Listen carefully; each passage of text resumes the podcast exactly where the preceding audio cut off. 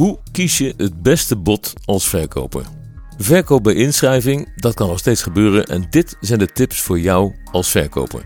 Je hebt een huis en dat wordt bij inschrijving verkocht of er zijn meerdere gegadigden die een bod willen uitbrengen op je huis. Hoe kies jij dan als verkoper het beste bod? Ik vertel het je zo en ik geef je ook nog een hele handige checklist. Blijf erbij. Hey, welkom bij Woon Weetjes, het weerbericht voor de Nederlandse woningmarkt.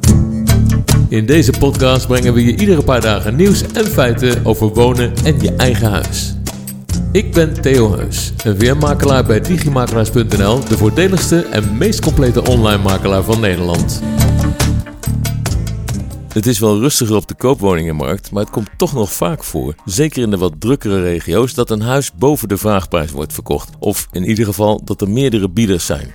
Hoe ga je als verkoper nou met al die biedingen om en welk bod moet je dan kiezen? Voor het omgaan met veel bieders of verkoop bij inschrijving heb ik hier tips voor jou als verkoper. En in de toelichting bij deze podcast heb ik ook nog een handige checklist voor je die je gratis kan downloaden, waarmee je heel gemakkelijk de beste bieder voor jouw huis kan uitzoeken.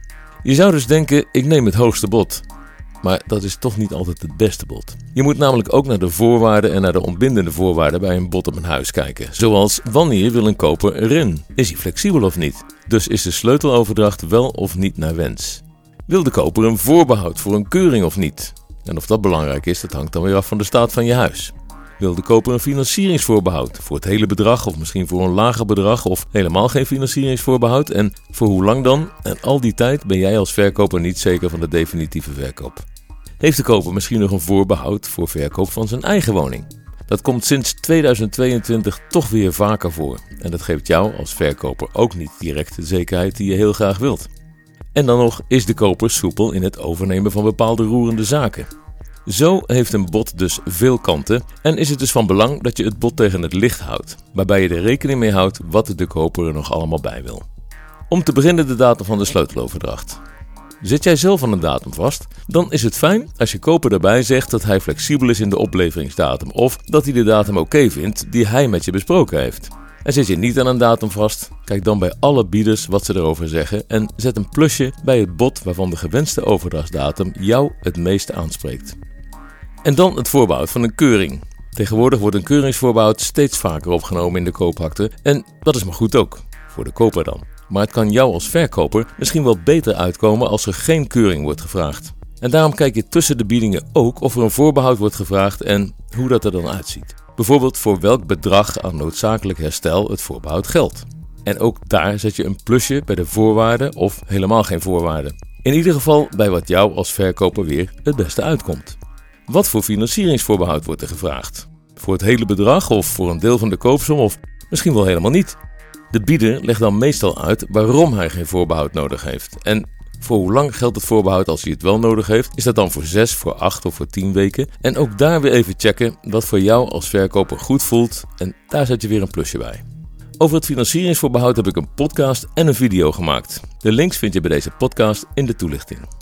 Is er een voorbehoud voor de verkoop van het eigen huis? Of is het huis van de koper al verkocht en moet die verkoop nog definitief worden? Dat is soms belangrijk voor de overbruggingsfinanciering van de koper. En ook dat is iets om even bij stil te staan als je de keuze hebt uit meerdere bieders. Want het gaat in dat geval voor jou als verkoper langer duren voordat je op zeker hebt verkocht. En als laatste dan de lijst van over te nemen zaken. Misschien is er wel een koper die nog wat wil betalen voor spullen die je aanbiedt bij het huis. En ook hier kun je eens gaan kijken welke bieder voor jou de gunstigste voorwaarden heeft. Die krijgt natuurlijk ook een plusje.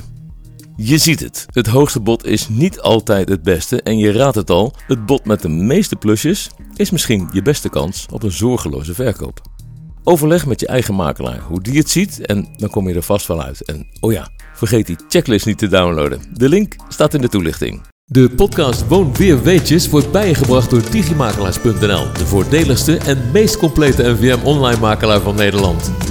Wil je dat meer mensen op de hoogte blijven van de actualiteiten op woningmarktgebied? En wil je ons helpen de podcast nog bekender te maken? Doe dat dan door je op de podcast Woon Weer Weetjes van Digimakelaars te abonneren. Op iTunes, Stitcher, TuneIn of Spotify. De podcast is er ook als Alexa Flash Briefing. Je kunt de skill toevoegen aan What's the News of What's My Flash Briefing. Dan hoor je iedere dag de laatste nieuwe. Wat ook helpt, geef onze podcast een beoordeling op iTunes. Of deel onze podcast op Facebook of Instagram. Super bedankt dat je luisterde en tot over een paar dagen.